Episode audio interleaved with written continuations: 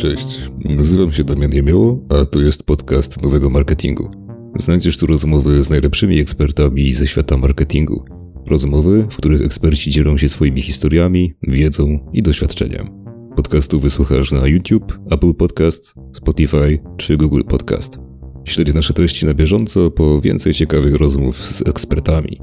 Cześć, nazywam się Damian Jemioło i jestem dziennikarzem portalu nowymarketing.pl, a moim dzisiejszym gościem jest nie kto inny jak Artur Jabłoński. Dzień dobry. Cześć Arturze. Dzisiaj sobie porozmawiamy o Twojej działalności w obszarze marketingu i też ogólnie tego, co robiłeś w przeszłości i co zamierzasz w przyszłości. Zacznijmy sobie na początku od tego, że w sumie jesteś jedną z takich najbardziej rozpoznawalnych osób w świecie digital marketingu i myślę, że tutaj nie przesadzam i każdy by się ze mną zgodził. Ale zaczynałeś w sumie pracę jako dziennikarz i to dokładniej w Onecie. Byłeś tam jednak niecały rok i potem szybko przerzuciłeś się, no dokonałeś takiego pivotu w stronę copywritingu. I dlaczego jednak nie media? Wiesz co, to Onet to był tak naprawdę moją drugą rolą w tym świecie. Jeszcze wcześniej pracowałem Okej. w portalu regionalnym i tak stopniowo do, przeszedłem po prostu wyżej. Kręcił mnie zawsze świat mediów, ale to bardziej wynikało z tego, że kiedy człowiek jest na polonistyce, to przeważnie ma dwie drogi. Jedną z tych dróg jest Mhm. albo bycie poetą, niektórzy naprawdę idą z tym przekonaniem, a drugą drogą jest właśnie zostanie jakimś dziennikarzem, reportażystą w dzisiejszych czasach i tym podobne. Więc to były ścieżki, w których widziałem się ja, ewentualnie jeszcze myślałem o karierze akademickiej, którą przez pewien czas nawet próbowałem zrealizować, ale świat akademicki mnie bardzo rozczarował. Natomiast sprawa Mhm. jest śmieszna, ponieważ kiedy ja byłem na studiach, to debiutował bodajże wtedy Mad Men albo jakiś podobny tego typu serial o świecie reklamy. I tak naprawdę ten serial mi pokazał, że tam był taki człowiek jak copywriter. Bo pamiętam jak dziś, kiedy byłem na studiach i właśnie stałem przed wyborem kariery, i nawet wiesz, e, byłem w takich miejscach typu biura karier i tym podobne, że trochę, jak pewnie duża część młodych ludzi, nie miałem pomysłu na siebie. I problem polegał Mhm. na tym, że nie wiedziałem, czego nie wiedziałem, czyli nie wiedziałem, z jakich mogę wybrać w ogóle karier. A tu nagle odpaliłem serial, gdzie zobaczyłem, o, istnieje człowiek, którego wykształcenie wydaje się pokrewne do mojego, i być może to jest praca, którą mógłbym wykonać. Więc ten serial mnie zainspirował i zacząłem szukać tego typu pracy, bo nie wiem, to, nie, to raczej nie było tak, że byłem zniechęcony do mediów, wiesz, że antycypowałem, że to się przemieni w media working i tym podobne, ile raczej to po prostu Mhm. wydało mi się ciekawszą formą. Powiem ci szczerze, że ja oglądałem też Madmena, co prawda mm, tylko pierwszy sezon, ale jednak no nie jest to moim zdaniem najlepsza reklama tego świata reklamy, bo tam jednak, wiesz, to przedstawienie tej branży marketingowej, no w Stanach Zjednoczonych co prawda i to gdzieś mniej więcej w środku, z tego co pamiętam, XX wieku, chyba to były lata 50 Tak. albo 60, ile mnie pamięć nie myli, no jednak był taki, no dosyć brutalny, powiedział. E, Ja bardzo lubię ten okres historyczny, bo czytałem sporo książek o historii reklamy tego czasu, tak? Ten złoty wiek reklamy, tak to chyba się nazywa. I jest to Mhm. niesamowicie ciekawy rzeczywiście okres, więc nie dziwię się, że twórcy Madmena postanowili osadzić akcję właśnie w tym miejscu. I faktycznie ci bohaterowie są raczej antybohaterami niż bohaterami. Natomiast to, co mnie zainspirowało, to taka trochę sprawcza rola słowa, pomysłu, no bo myślę, że to jest też to, czego szukasz w dziennikarstwie. Kiedy chcesz być dziennikarzem, chcesz, żeby to się w jakiś sposób miało znaczenie, przekładało na Mhm. rzeczywistość. A świat reklamy jest dla mnie tym światem, w którym masz jakiś pomysł, ubierasz go w słowa, w obraz, w cokolwiek innego i to później wpływa na ludzi i sprawia, że oni podejmują konkretne decyzje albo myślą o jakichś rzeczach w ten sposób. I kiedy się nad tym zastanowisz, jesteś człowiekiem, który idzie na polonistykę, bo ceni sobie poezję i rolę sprawczą słowa w takim indywidualnym wymiarze i potem możesz to przełożyć na wymiar powiedzmy, no tak stosuncznie zabrzmi, ale ogólnokrajowy, tak, czy jakikolwiek inny, Mhm. to się staje strasznie interesujące. To był dokładnie ten sam powód, do którego ja później przeskoczyłem z copywritingu do performance'u, bo to było to, gdzie mogłem uruchomić reklamę w Google, uruchomić reklamę na Facebooku, puścić ich dwie wersje i mieć czarno na białym, że ten dobór słów czy ten dobór komunikatu bardziej trafia do ludzi. Więc jako osoba, która od zawsze zafascynowana właśnie słowem pisanym, czy właśnie komunikacją szeroko pojętą, mogłem to zobaczyć, zobaczyć to w działaniu, poczuć, że to ja to zrobiłem, wiesz, ja to napisałem, ja to uruchomiłem i to działa. I chyba Mhm. dlatego właśnie, a na, napisany tekst to po prostu jest i dzisiaj to dziennikarstwo nie jest już takie jak kiedyś, prawda? Mm, No jest, zmieniło się to, prawda, ale wiesz, to też troszeczkę wynika po prostu ze zmian no, odbiorców tego, czego potrzebują, ale też z samej digitalizacji mediów i tego właśnie przekazu ogólnie słowa. No nie? Chociaż faktycznie to słowo jest takim łącznikiem, mm, znaczenie tego słowa w sensie, nie? To jakby jest takim łącznikiem faktycznie pomiędzy światem mediów i światem, no zwłaszcza content marketingu. Nie? I też mi się wydaje, że nadal jednak jest ten content marketing, jeśli chodzi o taką właśnie wersję tekstową, no to nadal on tutaj gra, żeby pierwsze skrzypce. No nie? To, są, to są takie treści, które najczęściej są tworzone gdzieś przez, przez marketerów.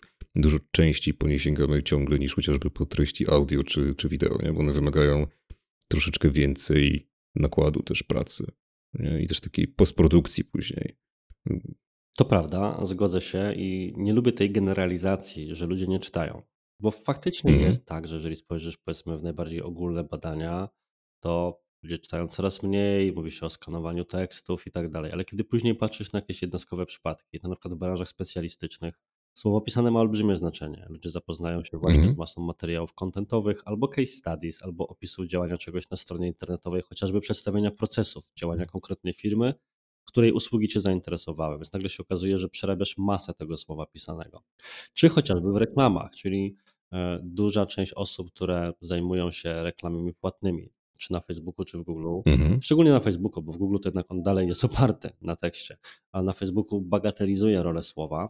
A my na przykład widzimy jako agencja, że jeżeli masz dwie reklamy i pod jedną są komentarze i te komentarze są pozytywne, bo napisali je e, ci, którzy już skorzystali z danego usługi czy produktu, ta reklama, która ma te pozytywne opinie i słowo pisane, sprzedaje na przykład więcej, bo na raz, że jest to oczywiście siła po prostu rekomendacji, ale no i jednak ludzie to czytają. To nie jest tak, że o, zobaczył obrazek z ładną kiecką, to klika. Nie, czyta najpierw, Mhm. jak ta kiecka leży, czy jest dobra, czy niedobra, czy firma jest uczciwa. I potem się okazuje, że słowo dalej ma znaczenie trzeba się na nim skupić, a nie można puścić tylko jakiegoś najbardziej ogólnego komunikatu, a resztę załatwi obrazek albo ładnie animowana strona internetowa. Wiesz, ja jestem w stanie zaryzykować stwierdzenie, że w ogóle obecnie to konsumujemy najwięcej treści tekstowych dotychczasowej historii ludzkości. Nie? W sensie nigdy tak dużo paradoksalnie nie czytaliśmy, jak czytamy teraz. Ze względu na to, że to słowo pisane nam towarzyszy dosłownie wszędzie w naszej kieszeni jest w postaci, wiesz, po prostu smartfona, mediów społecznościowych i tak dalej. No, w ogóle no, dużo wszelkiego rodzaju kontentu teraz po prostu konsumujemy. Ja wiem, że też marketerzy mówią o tym, że jest troszeczkę przesyt i że rynek jest przesycony całym kon- kontentem, nawet już nie tylko treściami tekstowymi, ale też również y, wideo na przykład. No natomiast nadal marketing, no trudno by było robić bez kontentu. Nie wyobrażam sobie w sumie tego nawet. Muszę się z Tobą zgodzić. Jeszcze nawet powiedziałbym, że często na przykład spotykam się z takim zarzutem, po co skupiać się na nauce copywritingu, dajmy na to, czy Mhm. komunikacji, bo przecież właśnie ludzie nie czytają. Ale potem się okazuje, że kiedy masz na przykład wideo sprzedażowe, ono jest zbudowane do jakiegoś scenariusza, no i hej, padają tam jakieś słowa, ktoś od czegoś musi zacząć, jakoś tę uwagę przyciągnąć i puścić dalej. Potem się okazuje, że jeżeli zajmujesz się sprzedażą, to e, nagle używasz dokładnie tych samych narzędzi, co osoba, która pisze teksty na stronę internetową. Podam Ci na przykładzie. Ja mam własny e, kurs copywritingu, tak, czy napisałem na ten temat książkę i rzeczy, które dotyczą zbijania obiekcji, Mhm. które ja prezentuję pod kątem użycia ich w płatnej reklamie na stronie internetowej, w karcie produktowej i tak dalej, to są dokładnie te same metody, które możesz wziąć i zastosować w sprzedaży.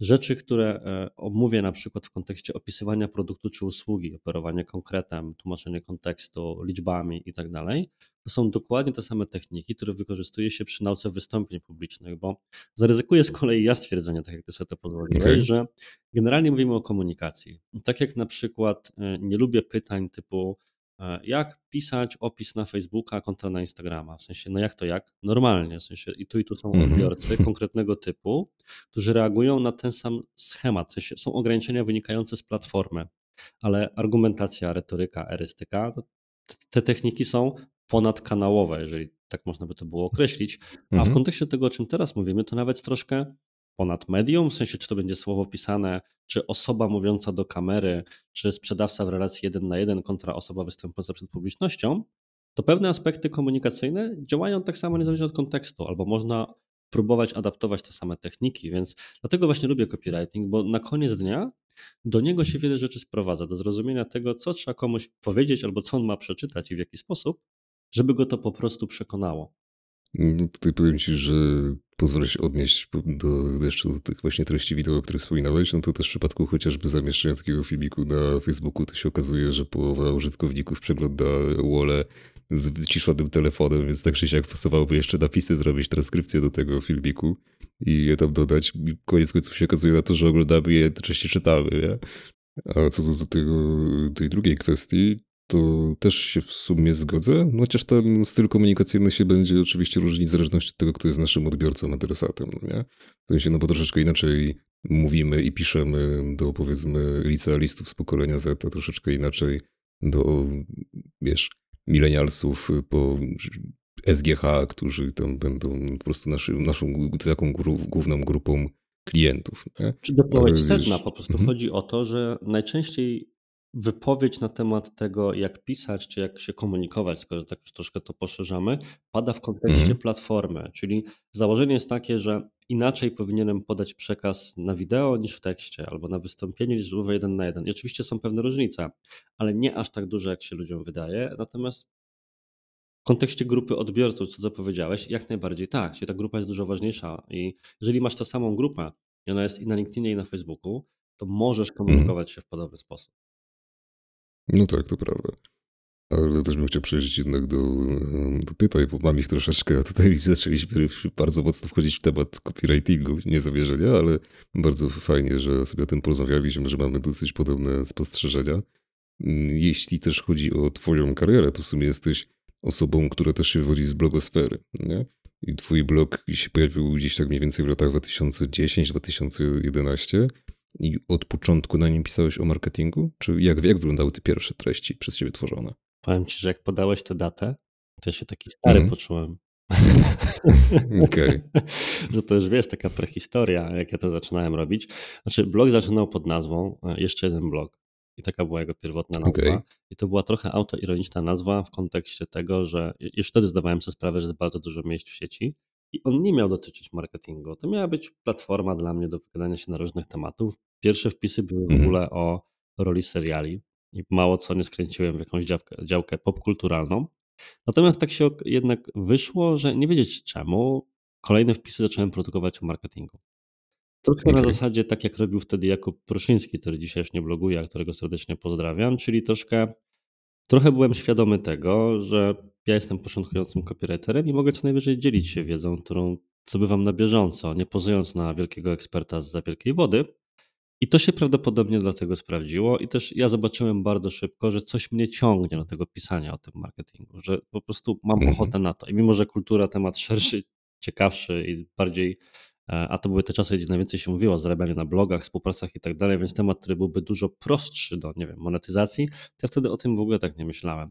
To dla mnie blogowanie było formą porządkowania myśli wokół jakiegoś tematu. To chyba Feynman powiedział, że jak chcesz coś w pełni zrozumieć, zacznij tego uczyć. Już nie pamiętam, zawsze mam problem z tym, kto dokładnie powiedział te liczne, mądre Mhm. cytaty, które dziś mam w głowie, ale chyba był to Feynman. I troszkę to temu dla mnie służyło, że ja musząc coś opisać od A do Z, a przyjąłem taką konstrukcję poradnikową, czasami felietonistyczną, to wtedy wiedziałem, że okej, muszę to ułożyć w taki taki proces i dla mnie samego było to formą przetrawienia Mhm. tego, czego uczyłem się na bieżąco. Okej, to czyli w sumie wydaje mi się, że troszeczkę podobnie do takim razie do Jakuba Pruszyńskiego podszedłeś, w sensie, bo on również tworzył bloga, gdzieś tam edukując innych, ale też edukując przede wszystkim siebie, no nie? No tutaj na myśli właśnie PR-u Koksu i to przynajmniej jako, w jaki sposób on mi to przedstawiał w naszej rozmowie. No ale właśnie w tamtym czasie dosyć dużo się pojawiło blogów takich o tematyce marketingowej czy PR-owej. No, właśnie wspomniany no, tutaj wcześniej Jakub, czy też troszeczkę później Monikę Czaplickę. I skąd wy wszyscy czerpaliście wtedy wiedzę o tym świecie marketingu, mediów społecznościowych, PR, że no bo zazwyczaj byliście osobami ze świata tak naprawdę troszeczkę z zewnątrz, w sensie wcześniej nie mając do końca doświadczenia e, z agencjami i ogólnie marketingiem, tak wiesz, tak w praktyce. W czasach, w których zaczynałem blogować, to miałem już za sobą krótką karierę kilkumiesięczną w jednym startupie i wcześniej w jeszcze poprzednim Mhm. startupie, gdzie właśnie byłem jako copywriter blisko świata IT i jednocześnie tą osobą, która odkrywała początki mediów społecznościowych. Trochę się uczyłem na żywym organizmie wraz z wzrostem z tych systemów. I miałem też tę olbrzymią przyjemność, że agencje, do których po kolei trafiałem, to były agencje, gdzie e, nie chcę powiedzieć, że na mnie się zaczynał i kończył, ale na pewno byłem jedną z pierwszych osób zaangażowanych w powstające działy digital. Czyli ja trafiałem do agencji wyspecjalizowanych w innych e, obszarach, na przykład BTL-owych, a ja byłem tym szalonym młodym człowiekiem, który coś tam sobie wierzy w tego całego Facebooka i niczym wiesz, w dużych firmach rodzinnych, które swego czasu też tak zatrudniały młodych, rzutkich specjalistów do marketingu, no bo oni tam te internety rozumieją. Mhm. Więc ja No niby tak. miałem młode stanowisko albo takie średnio specjalistyczne, ale bardzo szybko moja rola stawała się coraz ważniejsza, kiedy okazało się, że to ja jestem tą osobą, która e, po pierwsze wierzy w te media, podczas gdy inni są sceptyczni z racji wieku, doświadczenia czy faktu, że jest to po prostu nowość, a ja jestem młody, naiwny, zajarany tematem.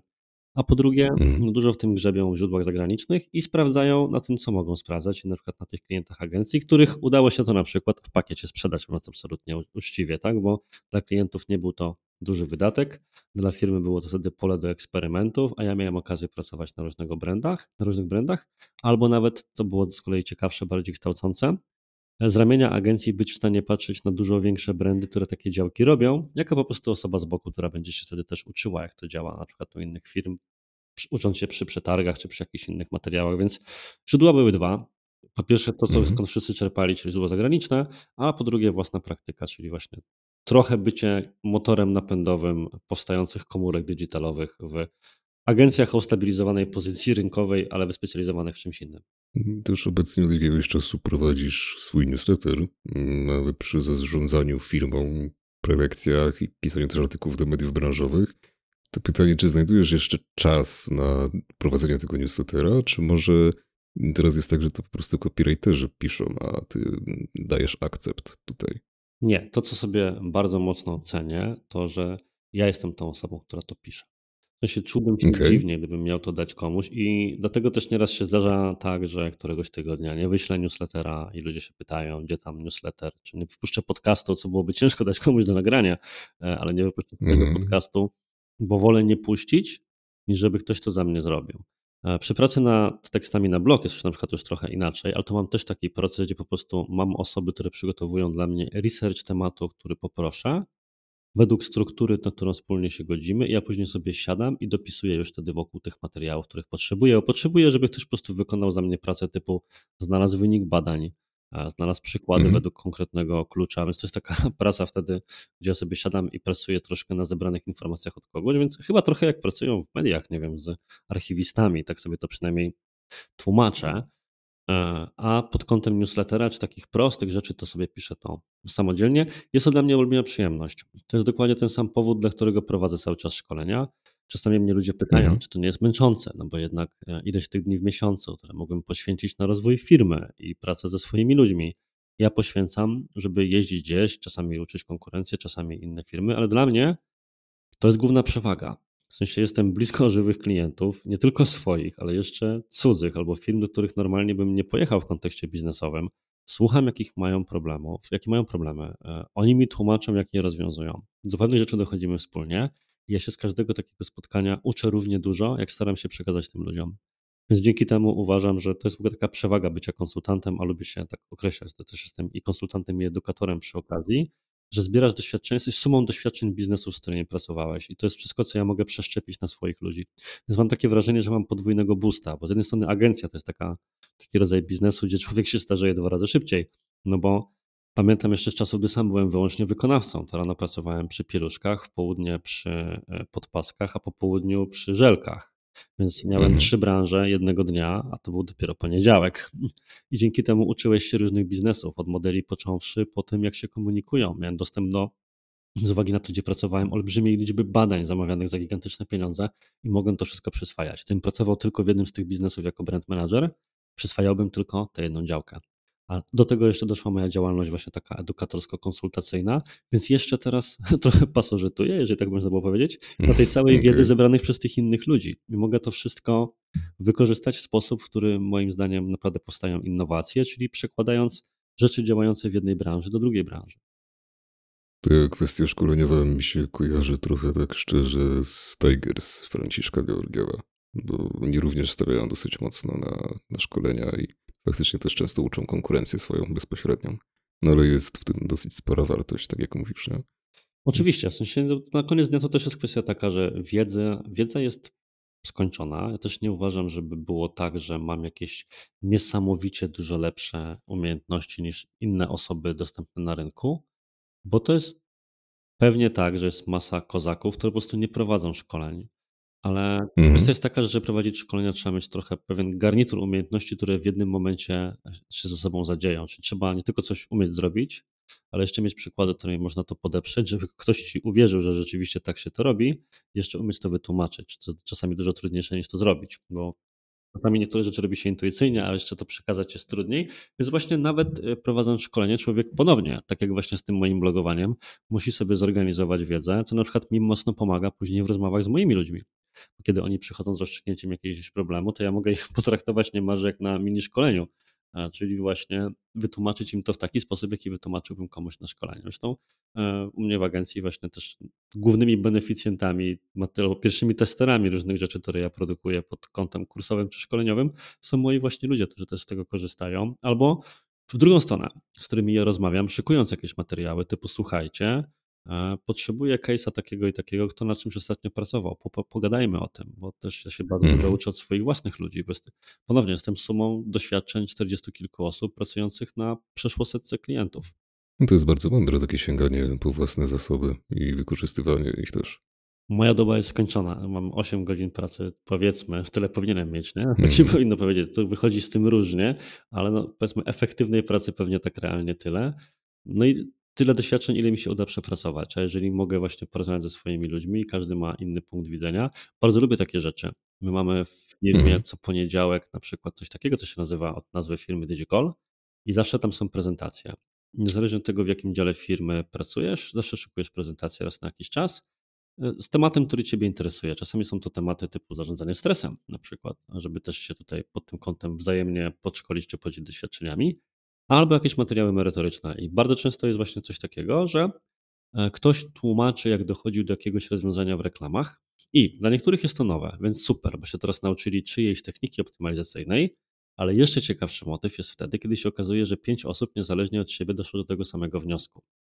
I to jest dla nas Mhm. przewaga. Dla mnie przewaga jako szkoleniowca, czy przewaga dla firmy taka, że nie dość, że masz e, swój przypadek, na którym wiesz, że to działa, to jeszcze możesz zobaczyć ileś osób, które myślą podobnie i u nich też to działa na większym spektrum przypadków. Więc później prowadząc szkolenie, czy rozmawiając z klientem, masz to, co jest moim zdaniem i szkoleniową, i agencyjną przewagą, czyli mówisz o to 10 przypadków, gdzie to zadziałało. Bo jest bardzo dużo szkoleń, kursów, ale też firm, które, którym udało się coś raz na jednym przypadku, głęboko wierzą, że jest to najlepsze rozwiązanie i potem to robią. Natomiast my możemy Mhm. wtedy powiedzieć, e, drogi kliencie, średni ROAS w tej branży na 50 projektach wynosi tyle i do niego dążymy. A drogi kliencie, teraz wykorzystamy to, bo w 10 projektach o podobnej specyfice to się sprawdziło. I no ponownie, to jest to budowanie sumy doświadczeń jako agencja.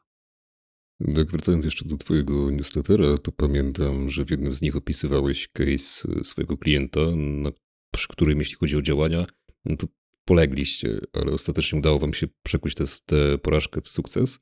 Nie znalazłem tego newslettera niestety, więc do końca nie pamiętam, ale z tego co mi się wydaje, to był to klient z branży nieruchomości, tak? Wiesz, co ci powiem szczerze, nie jestem sobie w stanie przypomnieć. Musiało to być jakiś czas temu i masz z tego wynika dużo lepszą pamięć ode mnie. E, Okej. W każdym razie na pewno mogło to by- być. W sensie, jeżeli ktoś prezentuje w sieci, że ma stuprocentowy track record jako agencja i wszystko, czego dotnie, zamyka w złoto, to po prostu bezczelnie kłamie. Ja nigdy nie będę ukrywał, że są Mm, projekty, które i na mnie wychodzą z powodów różnych. Czasami po prostu nie dajemy rady, czasami nie dajemy rady w konkretnym kontekście. Dogadać się z jednym konkretnym klientem, nasze oczekiwania się rozmijają na przykład. E, Ktoś daje nam mniej czasu niż my uważamy, że byłoby potrzebne i projekt, który z naszej perspektywy zacząłby świetnie zarabiać po roku, kończy się po trzech miesiącach. Powody są różne. E, Natomiast ja bardzo lubię, w ogóle w firmie wszyscy się śmieją, że ja świętuję nie to, co się świętuje normalnie, czyli większość ludzi najbardziej świętuje podpisanie nowego klienta i tym, tym się chwali. My dużo częściej komunikujemy na przykład rocznicę. To jest mój ulubiony fragment, gdzie my wysyłamy klientom torty na każdą rocznicę współpracy z życzeniami smacznego, bo cieszymy się, że pracujemy z kimś na przykład latami. Mamy okazję szykować case studies, takie są głównie pisane na naszej stronie, wielomiesięcznych albo wieloletnich współprac, żeby pokazać, jak to wszystko wygląda w mm, perspektywie, że to nie jest overnight success. Akurat łapiesz mnie w momencie, w którym ja pracuję dzisiaj prawie cały dzień nad tekstami na stronę, gdzie jednym z tekstów, który napisałem jest właśnie, że sukces z dnia na dzień zajmuje przeważnie miesiące, jak nie lata. No bo tak to wygląda naprawdę. I tak samo też jest z pracownikami, że kiedy ja bardzo lubię, kiedy przychodzą nowe osoby do pracy, jest to tak też święto, ale najbardziej lubię, kiedy mogę z kimś porozmawiać przy podpisaniu nowej umowy, przy okazji rocznicy, przy zmianie roli w zespole i tak dalej. Bo to jest taka perspektywa, że ktoś już ze mną trochę jest kawałek historii za nami i jeszcze pewnie długa historia przed nami. To mnie najbardziej cieszy. A jak to się w ogóle stało, że ty zacząłeś być przedsiębiorcą? Bo wcześniej pracowałeś w sumie długo pod różnymi markami, agencjami. I w 2016 roku odszedłeś ze Smart Space i zacząłeś wtedy pracę jako freelancer, no a potem w trakcie jakby tego wszystkiego zbudowałeś swoją własną firmę, której jest, tak jak mówisz, 40 osób. I jednym z wywiadów przyznałeś, że nigdy nie myślałeś, że zostaniesz przedsiębiorcą. Więc skąd ta decyzja?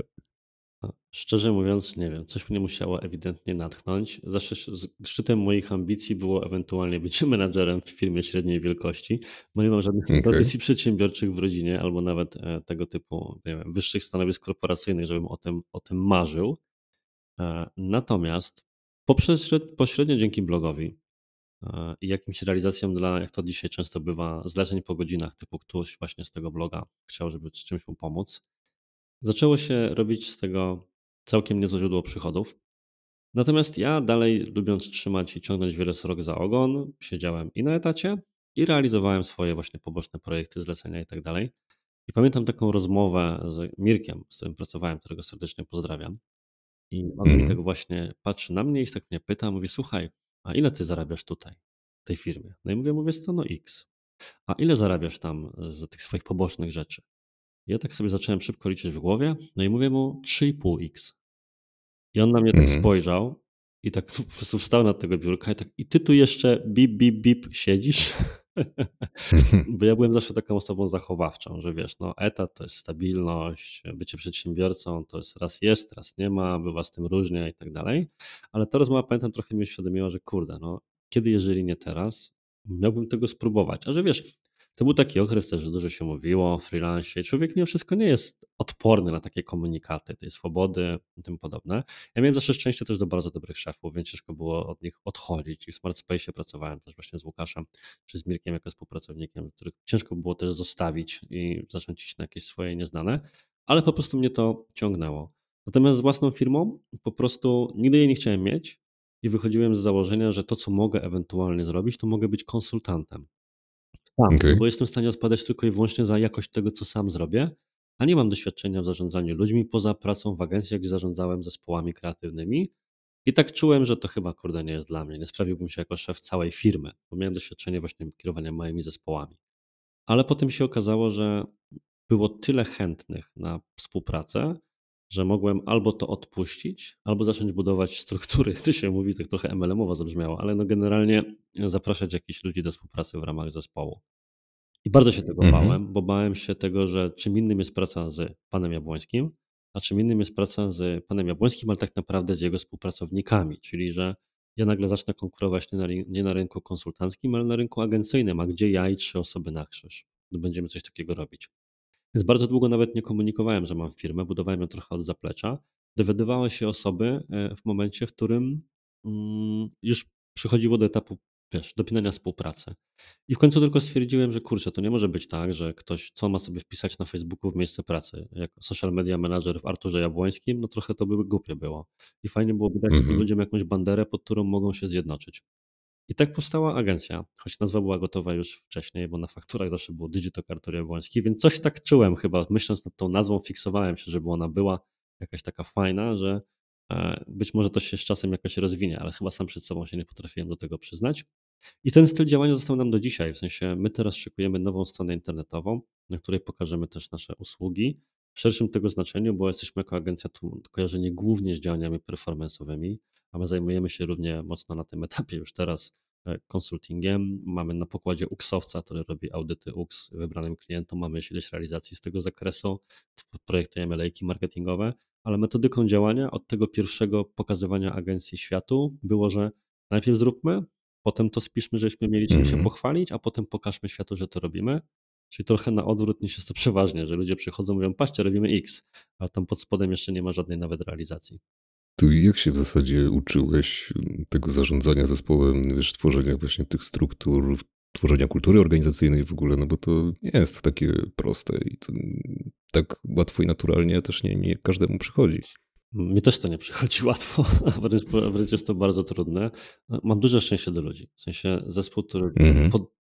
po latach czytałem, że wiesz, najważniejsze są pierwsze osoby, które przyjmiesz do firmy i tak dalej. I bardzo chciałbym ci powiedzieć, że wiesz, ja byłem oczytany w jakieś konkretnej frameworki, zacząłem je realizować i patrz, jak to działa. A prawda jest taka, że to było take it as it comes i próba szycia z tym, co się, co się udało. I zawsze w niedoczasie, w sensie każdą z decyzji podejmowałem stanowczo za późno, czyli decyzję o tym, żeby zatrudnić pierwszą osobę, zwlekałem z nią za długo, podejmowałem ją za późno. Decyzję, żeby oddawać kolejne oddziały odpowiedzialności, z czym nie miałem problemów, żeby już oddać i zaufać, ale z samą decyzją o oddaniu zawsze miałem problem, że no przecież kto to zrobi tak jak ja, prawda? Czy takie typowe przedsiębiorcze myślenie. Zawsze były tego typu problemy, no ale finalnie to robiłem i myślę, że to nie jest tak, że możesz czegoś się nauczyć, wiesz, z książki. W sensie możesz się zainspirować, możesz mieć jakiś framework, możesz mieć tą zdolność czy kompetencję na poziomie intelektualnym, ale jest jeszcze ten strasznie ważny poziom emocjonalny, gdzie musisz dojrzeć, dorosnąć, są takie trochę oceniające wyrazy, ale Mhm. coś musi się zadzieć w głowie. I kiedyś miałem okazję rozmawiać z Adrianem Gorzyckim z Przygód Przedsiębiorców, którego mocno właśnie pozdrawiam, który zadał mi bardzo podobne pytanie, w sensie jak to jest, że ty właśnie masz na to pomysł taki, tak rozwiązałeś, tak rozwiązałeś, skąd ty to bierzesz? A prawda jest taka na przykład, że ja pochłaniam na masę treści. Potrafię, wiesz, w tej chwili mamy październik, jak to nagrywamy, początek. Ja już mam w tym roku na koncie 80 książek z najróżniejszych dziedzin, bo słucham, wiesz, usypiając syna, słucham, jadąc samochodem, słucham, w tle w pracy słucham, więc to tak sobie naturalnie leci. To nie jest tak, że ja siedzę i tylko czytam po nocach. I to nie jest tak, że ja wynotowuję coś z tej książki, tylko za każdym razem, jak słucham czegoś merytorycznego, rodzą mi się pomysły zupełnie obok. Czasami niezwiązane z tą tematyką. Czasami słucham dwóch godzin podcastów dla jednego zdania, które mnie zainspiruje. I po, powie, że pchnie mi jakieś myśli w nowym kierunku. Więc chyba ta cała akumulacja tych wszystkich rzeczy sprawia, że coś tam się w tyle na tych synapsach mieli, mieli, mieli i z tego finalnie e, rodzi. Więc ja tego pewnie nie przetwarzam świadomie, ale nieświadomie tam Mhm. mocno, mocno buzuję. Więc polecam, polecam po prostu wystawiać się na różne rzeczy, być otwartym i mieć takie podejście, że od wszystkiego i ze wszystkiego mogę się czegoś nauczyć, bo ja jednego dnia potrafię słuchać, wiesz, poradników Harvard Business Review, ale następnego e, reportaży, jestem świeżo po lekturze, reportażu o polskiej branży porno. Jak ona funkcjonuje, Okej. jak to tam pracuje, jak to się w ogóle dzieje, jakie są mity wokół tego na przykład. I z jednego i drugiego można wyciągnąć jakieś lekcje, które co ciekawe przydadzą się potem w biznesie. No to w sumie prawda. Tak sobie myślę, że faktycznie ze wszystkiego można coś wyciągnąć. Ja na przykład bardzo dużo się uczyłem i uczę o tym, w jaki sposób reagować na jakieś pomyłki, potknięcia, porażki, błędy z buddyzmu. I faktycznie przykładam to też na takie kwestie, wiesz, czysto powiedzmy zawodowe i no, one faktycznie działają. Że coś w tym chyba jest, że warto jest sięgać do różnych źródeł. Powiedziałbym Ci w ten sposób, że ja miałem okazję być organizatorem TEDxów i robiłem kilka Okej. TEDxów w Toruniu. Bardzo mnie dużo to nauczyło. Właśnie też zajmowałem się doborem, przygotowywaniem. Byłem odpowiedzialny za cały program od strony merytorycznej i przygotowanie mówców. I pamiętam, że zawsze mnie fascynowało w TEDxach jedna rzecz, że ktoś coś mówi i dla jednego to się podoba jest to wartościowe, a drugiemu się to nie podoba. I jak to jest, że wychodzi na przykład przedsiębiorca i mówi po 10-20 latach doświadczenia, że w biznesie najważniejsze są relacje z bliskimi. I siedzą sobie teraz dwie osoby na widowni. Jedna osoba, która jest młoda, ma niewiele jeszcze doświadczenia za pasem, mówi, Boże, jakie banały, przecież każdy to wie, wszyscy tak mówią. A druga, która ma za Mhm. sobą może, nie wiem, trzy nieudane firmy, które rozwaliły jej rodzinę, zaowocowały rozwodem czy jakąś inną tragedię, słucha tego i mówi, to jest bardzo mądre. I zawsze mi się to kojarzy z tym powiedzeniem, że uczeń, jak uczeń będzie gotowy, to mistrz się znajdzie. I to jest tak, tak, że pewne rzeczy słuchasz, słuchasz, słuchasz i one ci w końcu klikają. Tak mam wrażenie, że czasami staram się nawet jednej książki, artykułu czy czegoś innego wystawiać się na to wielokrotnie, bo to w pewnym momencie do ciebie trafia. Właśnie no być może coś tam się dzieje w tym mózgu, w tle, czego jeszcze ja nie do końca rozumiem, co na to sprawia, że dorosłeś, usłyszałeś coś wielokrotnie. Podam ci na głupim przykładzie. Ja bardzo długo bałem się robić sobie tatuaże na dłoniach i na rękach. Na dłoniach jeszcze nie mam, ale na rękach, tak żeby wystawały spod koszuli. Bo wiesz, bo Mhm. biznes. Mimo, że agencja reklamowa, teoretycznie możesz sobie więcej powiedzieć, no ale jednak stosunek do tatuaży jest różny. I zawsze się bałem, że Boże, przecież jak ja będę miał tatuaże, tatuaże to w ogóle bandyci. Ja lubię, co prawda, zawsze chciałem mieć brodę tatuaże, mam jedno i drugie, ale że to będzie źle postrzegane. I tak wiesz, w różne osoby mówiły mi, Artur, to jest głupie. I w końcu rozmawiałem z kumplem i kumpel mówi tak, czy ty byś naprawdę chciał pracować z kimś, komu przeszkadzałoby, że masz tatuaże? Ja tak wiesz, musia, słyszałem to zdanie pewnie w różnych wersjach ileś razy. A ten Mhm. człowiek to powiedział i nagle kliknęło. Następnego dnia wstawiłem na swoją stronę internetową specjalnie sesję zdjęciową z podwiniętymi rękawami, żeby wszyscy widzieli, że je mam. Znaczy już po tym, jak sobie te tatuaże zrobiłem w taki sposób, że są widoczne spod tej koszuli wystawią, a zawsze tak chciałem. I co ciekawe, ja wiem, bo dostawałem feedback od różnych takich e, instytucji, może bardziej dostojnych czy starszej daty, że na przykład nie zdecydowali się na współpracę ze mną z tego tytułu. Jakkolwiek głupio by to nie brzmiało, bo pan jest Mhm. tatuowany na przykład, albo tam dość kolokwialny w sposobie mówienia, załóżmy, czy cokolwiek innego mogli powiedzieć, bo strona jest per ty, a nie per pan. I tak to dostałem i się tym w ogóle nie przejąłem w tym momencie, że no hej, no bo tu nie ma czym się przejąć tym, bo to wylądowała mi ta rada. A wiesz, ktoś inny usłyszałby, rób zawsze po swojemu, nie patrz na innych, czy jakkolwiek dałoby się to sprowadzić do jakiegoś takiego banału przy uogólnieniu i stwierdziłby, wszyscy tak mówią. A ja potrzebowałem przejść jakąś drogę, żeby we mnie ten komunikat zupełnie inaczej wybrzmiał.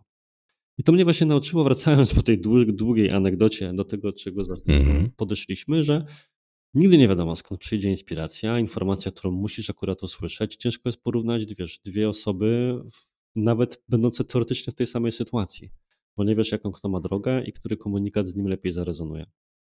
Truizm nie będący truizmem, ty to wiesz, ale tak naprawdę tego nie wiesz. Nie? Masz rację, że faktycznie są takie momenty w życiu, w którym dopiero w pewnym, na pewnym etapie zaskakują takie kwestie, takie wiesz, sentencje czy, czy myśli. Teraz czytam książkę, którą bardzo polecam, też najnowszą książkę Ryana Holiday'a, w sensie nie wiem, czy jak będziemy to publikowali, to jeszcze będzie najnowsza, gość jest płodny, ale na ten moment jest. Mhm. Na polskim rynku chyba jeszcze jej nie ma, w oryginale nazywa się Courage is Calling. E, Bardzo ciekawa, to książki Holiday'a mocno oparte w stoicyzmie, więc e, być może Ciebie też zainteresuje. Tam znów, dzisiaj, jadąc do pracy, mając tam za sobą dość ciężki tydzień, e, usłyszałem jej fragment, gdzie było takie zdanie, że nie bój się problemów, zaakceptuj, że będą, po prostu będą i, i tyle, więc pomyśl już z góry, co one Ci mogą dać, czego się może dzięki nim nauczyć. I kurde, Damian, powiedzmy sobie szczerze, bo jak ktoś to teraz słucha po drugiej stronie, jaki to jest banał?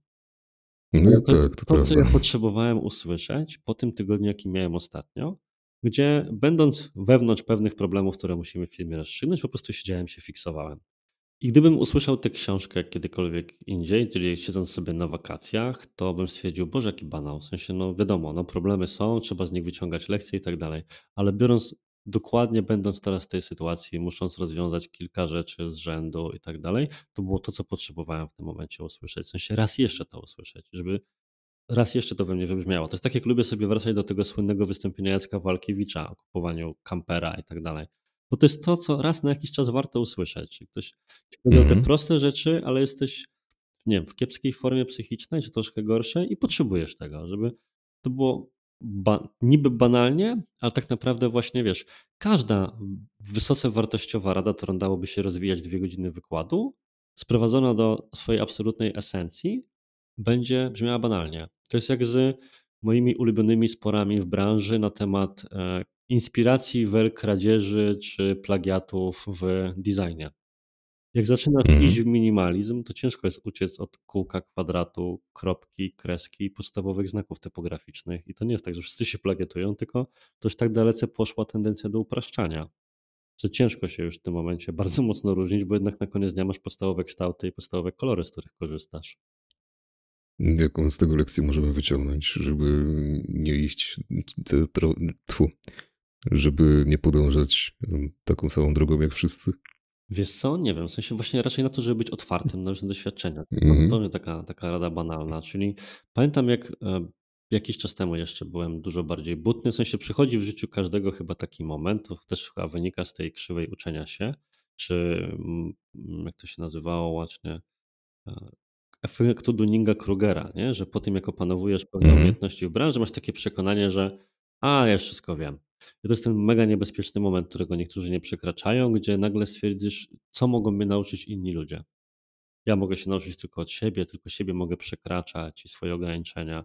A tymczasem albo właśnie zaczynasz oceniać, że ktoś jest od ciebie wyżej, od niego będziesz się uczyć, a ktoś jest rzekomo niżej, bo nie wiem, ma mniejszą firmę, mniej zarabia, czy cokolwiek, czy pracuje na jakimś stanowisku, które ty będziesz uważał za mniej istotne społecznie, z swojej perspektywy, to ty się od niego nie będziesz uczyć, bo to, co ta cię osoba może nauczyć.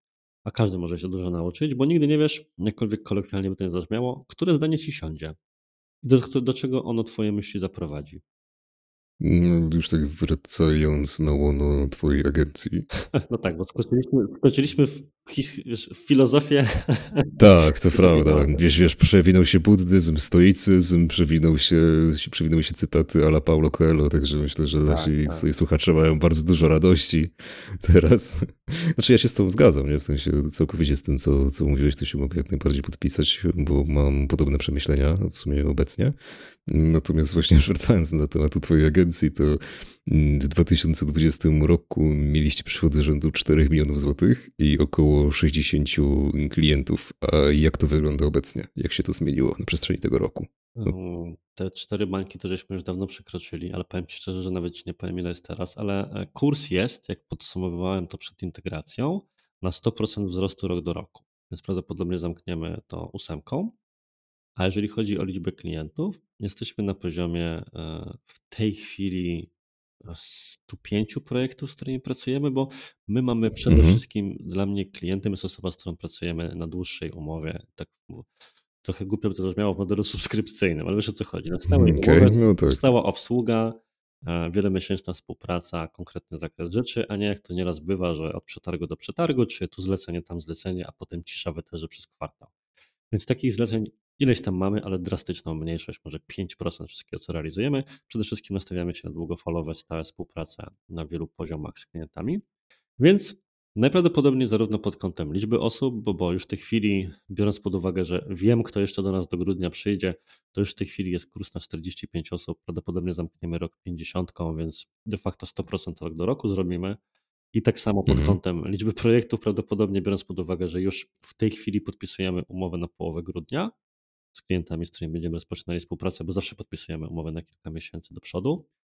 I właśnie też to się przekłada na taki ładny, stuprocentowy też wzrost e, przychodowy, więc tak idziemy na 100% po prostu powiększenia, co niesamowicie mnie e, fascynuje, że udało się zrobić, szczególnie, że wychodzimy wszyscy z pandemii i że to się tak naprawdę wszystko mhm. dzięki pandemii też zaczęło kręcić, bo Zdjęliśmy wtedy narzucony sobie właśnie samemu hamulec ręczny, że no tak powoli, powoli, tak troszkę przyspieszyliśmy. Ja dalej uważam, że przede wszystkim zajmuję się hamowaniem swojego biznesu. W sensie moglibyśmy jutro podpisać 30 umów z klientami, którzy są chętni, żeby rozpocząć z nami współpracę, ale po pierwsze być może nie byliby to klienci, którym moglibyśmy pomóc.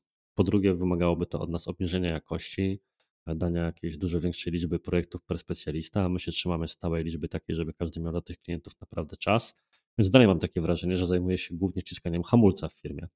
Ale to dobrze. W dłuższej perspektywie uważam, że jakość się obroni i takie podejście jest tym właściwym podejściem. Nie, to przyznam szczerze, że wiesz, wydaje mi się, że to jest bardzo fajne podejście, od którego się można dosyć dużo nauczyć. To wychodzisz tak troszeczkę naprzeciw takiemu konsumpcyjnemu też podejściu w tym sektorze B2B, żeby właśnie wziąć więcej niż jest się w stanie przejeść. No nie? Bo to, to jest bardzo, myślę, istotne w przypadku takich mniejszych agencji, które dopiero wchodzą na rynek, zaczynają i na przykład, wiesz, pozyskują jakichś dużych klientów i potem się okazuje, że nie mają wystarczających mocy przerobowych, żeby sprostać tym wyzwaniom i tym zadaniom, które stawiają przed nimi klienci, bądź ich problemom na przykład, które muszą rozwiązać. To mnie zawsze fascynuje, na przykład robienie rekrutacji po czasie, kiedy się z, wygra projekt, bo to nakłada na tobie bardzo duże ograniczenia, w sensie nagle jesteś ograniczony deadline'em, który nie jest już w tym wypadku świętem ruchomym, bo musisz projekt mm -hmm. kiedyś rozpocząć i być może zaczniesz pracować z osobą, którą byś nie zaczął pracy, tylko dlatego, że masz tę presję czasową, potrzebujesz komuś, to coś tam wyklika czy zrobi. A my jesteśmy natomiast w trybie rekrutacji ciągłej, czyli wiesz, my rozmawiamy w październiku, a ja już od września mam zrekrutowanych kilka osób, które dołączą w grudniu. I spokojnie sobie na nie czekamy, z uwagi na to, że muszą im wygasnąć umowy, ograniczenia wynikające z jakichś NDA czy zakazów w innych organizacjach. I to jest spokojna głowa, że wiesz, że ktoś taki do ciebie wtedy dołączy, raczej nic cię nie dotknie. Pytałeś troszkę wcześniej, mm. kilka pytań temu, właśnie jak to robimy pod kątem kultury korporacyjnej. e, firmowej. Organizacyjnej. Mam, organizacyjnej, Mhm. dokładnie. Mam bardzo duży skrót myślowy, który staram się zaszczepić w każdej osobie i też pytałeś, jak ja to robię, w sensie patrzę, co mi nie pasowało wszędzie po drodze, gdy jeszcze byłem cielęciem i teraz staram się o tym nie zapominać, będąc wołem, czyli na przykład e, ja nigdy nie dostałem propozycji podwyżki w żadnej firmie, a sam w większości wypadków to ja wychodzę z inicjatywą w swojej firmie, żeby nikt nie musiał sam po nią przyjść, tylko żebym ja sam wyszedł z tą propozycją, co ludzie bardzo doceniają. Czy pamiętam taką Mhm. rozmowę z jednym z pracownikiem, z którym byliśmy umówieni, jak to często bywa, że przez pierwsze trzy miesiące kwota będzie X, a potem będzie tam X z czymś. I on do mnie przychodzi po tych trzech miesiącach, zaczynamy rozmowę, mówi, słuchaj, bo byliśmy tak umówieni. Mówię, no, no dobra, słuchaj, to ja wysyłam papiery do księgowej. I taka chwila niezręcznej ciszy, po czym ta osoba, żeby nie, nie, nie mówić, o kogo to chodziło konkretnie, mówi, ale jak, no i nie będziesz nic tutaj zmieniał? Mówię, no nie no, umówieni byliśmy. A nagle tak patrzy, niesamowite. Mówię, dlaczego? Bo w każdej poprzedniej firmie było zawsze tak, że ktoś mi oczywiście powiedział, że będzie tam powiedzmy x z kawałkiem, ale później chciał mi to zabrać, albo robił jakiś performance review, czy inne chwyty, żeby finalnie dać mi mniej. Ja mówię, no to, to Okej. fajnie, ale mówię, ja tak nie działam, w sensie, no bo to by mi przeszkadzało, czułbym się nie w porządku potraktowany, więc my sobie y, mamy taką kulturę, ale walka ze zwykłym proszkiem. Tak ci to powiem. Pamiętasz Mhm. reklamy ze zwykłym proszkiem, prawda? Mhm. Zawsze, zawsze chciałem kupić w sklepie zwykły proszek. Szkoda, że żadna marka tego nie wypuściła. Natomiast No to prawda. dla mnie zwykły proszek to jest taka typowa agencja. Typowa agencja, czyli właśnie robiąca takie numery, które powiedziałeś. Czyli robiąca coś na ostatnią chwilę, biorąca więcej niż jest w stanie obsłużyć. Więc zawsze moi ludzie mówią jedną rzecz. Jak nie wiesz, co zrobić, to zadaj sobie pytanie, co by na Twoim miejscu zrobiła typowa agencja i zrób odwrotnie. Wtedy będzie dobrze. Mhm. Więc jak na przykład, wiesz, coś nie idzie na Facebooku, to częst, część agencji ma wymówkę typu zmienił się algorytm albo coś tam się robi. A załóżmy, że coś zepsuliśmy. To ja wolę, żebyśmy powiedzieli, że coś zepsuliśmy, bo to w dłuższej perspektywie buduje zaufanie, żeby nie boisz się przyznać do błędu. Typowa agencja waliłaby ściemę, ale my nie jesteśmy typową agencją i nie chcemy nią być. Chcemy być jej zaprzeczeniem. Rozumiem. I wiesz co, tak na sam koniec już, bo długo tutaj sobie rozmawiamy. Też bardzo miło mi się z tobą rozmawia. Mnie Też na to, że, że faktycznie mamy kilka mm, dosyć zbieżnych poglądów i, i, i spostrzeżeń, ale chciałbym pogadać jeszcze o twoich książkach, bo napisałeś ich łącznie cztery, z czego jedna miała premierę w sumie całkiem niedawno, no bo w lipcu. Mowa tutaj o skutecznej reklamie na LinkedIn.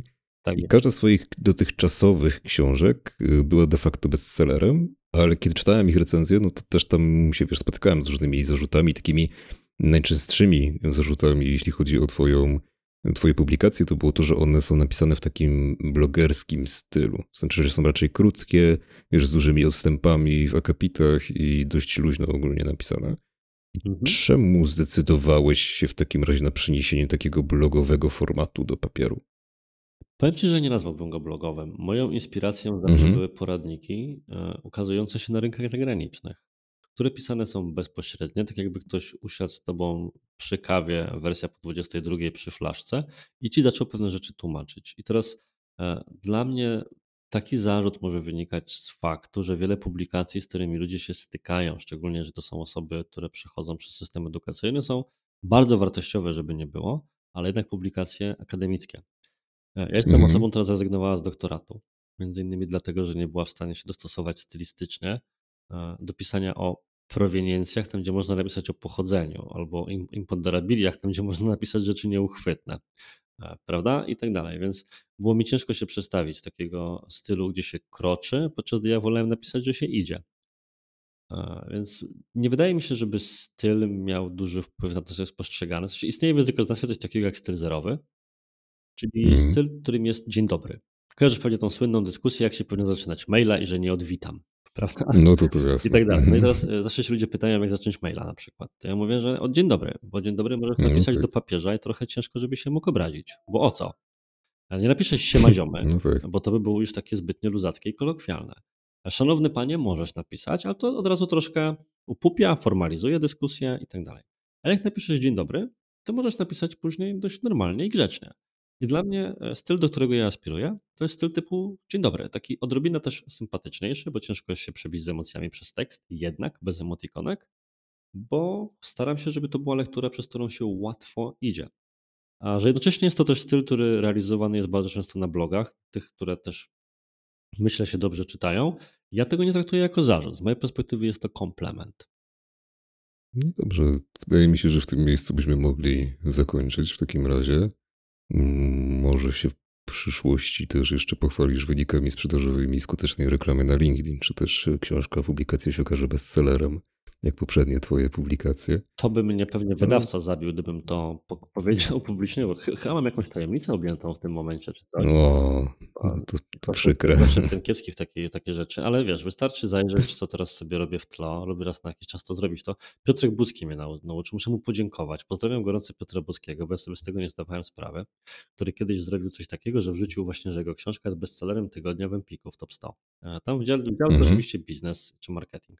I pamiętam wtedy sobie tak zajrzałem i patrzę, o moja, jako bestseller tygodnia. Później patrzę, o moja, jako bestseller miesiąca. Sprawdzam bestseller roku, o moja. I tak od trzech lat. Także Pamiętam, Okej. że napisałem to oczywiście u Piotra, mówię, o zobacz, a moja jest bestsellerem od trzech lat. Musiałem to zrobić, nie mogłem sobie odmówić, żeby móc dalej.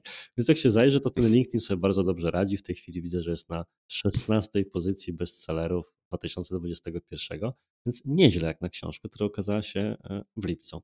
A na pierwszym miejscu też, kurde, jakiś Jabłoński, książka o pisaniu. Więc no, tak oczywiście teraz to, co mówię, to brzmi mega buracko. Natomiast tak poważnie mówiąc, ja się, jestem bardzo wdzięczny, że tak jest. W życiu się nie spodziewałem, że tak będzie.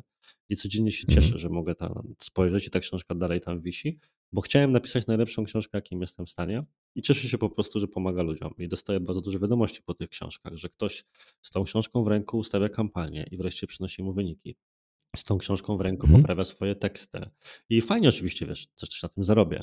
Ale e, pewnie każda osoba, która ma biznes i realizuje go i cieszy się tym, co robi, to jest w stanie się zgodzić z tym, że pieniądze pieniędzmi, ale ktoś jeszcze powie, e, to mi coś pomogło, to mi coś zmieniło, dzięki temu moje życie jest lepsze, dzięki temu mój biznes jest lepszy, to to cieszy nawet bardziej niż ten przelew czy cokolwiek innego. I myślę, że tym akcentem sobie właśnie zakończymy w tym momencie. Ja Ci bardzo dziękuję, Arturze, za rozmowę. No i życzę powodzenia w dalszym rozwoju filmu i też czekam na kolejne książki, bo podejrzewam, że się jeszcze nie jedna publikacja ukaże. Mam nadzieję, że tak będzie. Ja również dziękuję. Z mojej perspektywy też to była świetna okazja, żeby porozmawiać. Ja nazywam się Damian Jemioło, ze mną był Artur Jabłoński, a Was wszystkich zapraszam na nowymarketing.pl. Trzymajcie się i cześć.